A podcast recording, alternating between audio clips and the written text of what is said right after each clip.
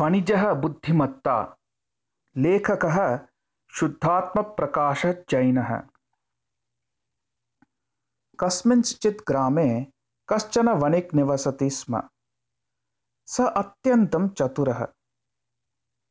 कदाचित् सः गृहे उपविश्य नाणकानि गणयन् आसीत्। तदा एव मार्गे गच्छन् कश्चन चोरः तद् दृष्टवान् सः मनसि एव चिन्तितवान् यत् एतस्य वणिजः समीपे बहु धनमस्ति अद्य रात्रौ मया एतस्मात् गृहात् एव चोरणीयम् इति। मार्गे स्थित्वा चिन्तयन्तं चोरम् अकस्मात् वणिकपि दृष्टवान्। तस्य मनसि संशयः उत्पन्नः। एषः मनुष्यः चोरः एव स्यात् अद्य रात्रौ एषः मम गृहमेव आगच्छति इति दृढं निश्चित्य सः पत्नीम् आहूय शनैः उक्तवान्। भवती अद्य रात्रौ उच्चस्वरेण मां भवान् धनं सर्वं कुत्र स्थापितवान् अस्ति? नगरे इदानीं चोरभीतिः वर्धमाना अस्ति। इति वदतु। इति। ततः वणिक् एकस्मिन् घटे कांश्चित् वृश्चिकान् स्थापयित्वा घटस्य मुखं वस्त्रेण पिधाय घटं गृहस्य पार्श्वे विद्यमानस्य निम्बवृक्षस्य शाखानां मध्ये स्थापितवान्। रात्रिः जाता। वणिक् भोजनादिकं समाप्य शयनम् अकरोत्।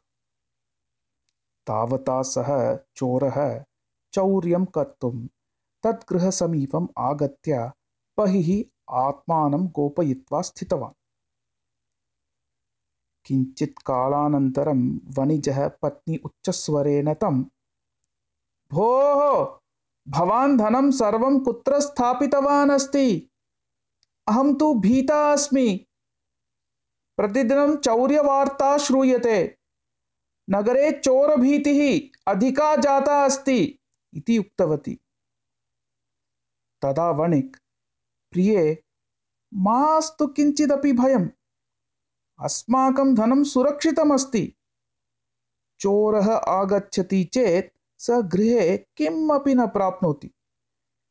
यतः अहं धनं सर्वं घटे संस्थाप्य तं घटं निम्बवृक्षस्य उपरि स्थापितवान् अस्मि भवती निश्चिन्ता भवतु इति उक्तवान्।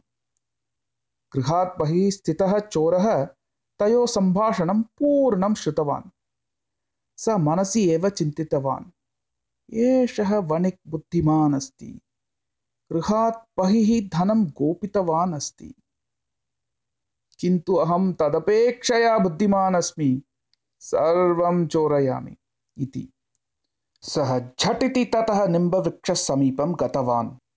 वृक्षम् आरुह्य शाखानां मध्ये स्थितस्य घटस्य आवरणं निष्कासितवान्। अन्तः हस्तं प्रसारितवान् च। अनुक्षणमेव तत्रत्या वृक्षिकाः तम् अदशन्।